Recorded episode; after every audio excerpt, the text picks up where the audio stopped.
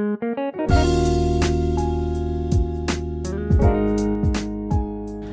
semua, baik lagi bersama gue Grinaldo. Gimana kabar kalian? Semoga sehat selalu ya. Ingat, stay at home dan jaga jarak. Oke, pada podcast kita kali ini akan membahas tentang ETF. Kita akan kumpas tuntas di sini. Yang pertama, ETF adalah kepanjangan Exchange Trade Fund, di mana ETF ini sendiri adalah reksadana yang unit penyertaannya diperdagangkan di bursa. ETF memiliki struktur seperti reksadana biasa, namun transaksinya dilakukan sebagaimana transaksi saham di bursa.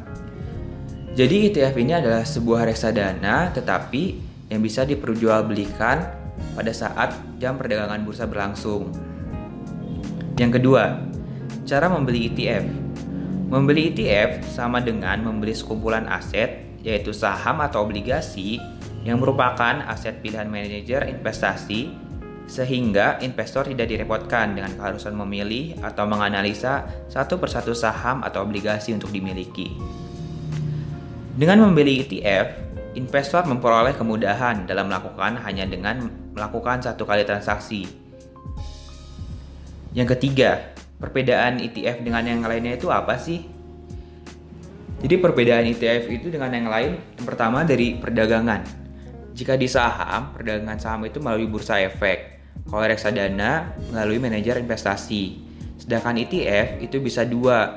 Jika kita melakukannya di pasar primer, kita dapat melalui dealer partisipan. Dan jika kita melalui pasar sekunder, kita dapat melalui bursa efek.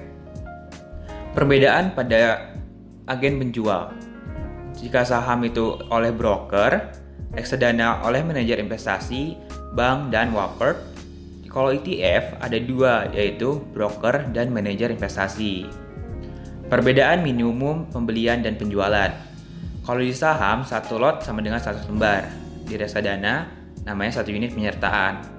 Jika di ETF, kalau di pasar primer, satu unit kreasi sama dengan 100.000 unit penyertaan.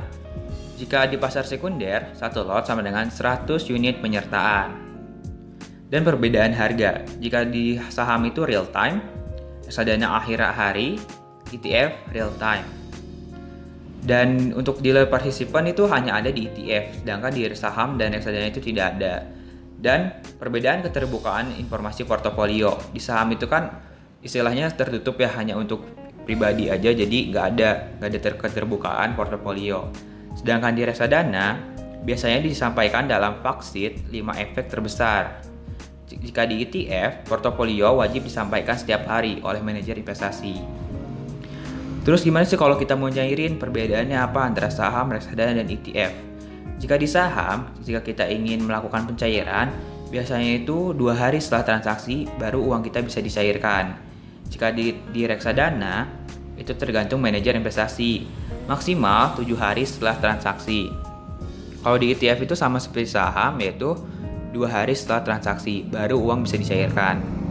Dan metode transaksinya perbedaan antara saham, ETF, dan reksadana. Saham itu multiple dan netting.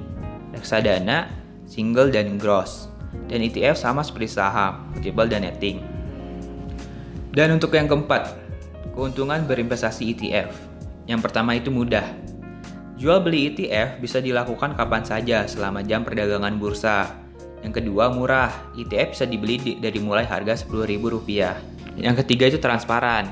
Informasi komposisi portofolio suatu ETF dipublikasikan secara harian melalui website BI dan dapat diakses publik. Yang keempat, diversifikasi. Dengan membeli ETF, investor otomatis sudah melakukan diversifikasi portofolio tanpa perlu banyak effort. Yang kelima, liquid.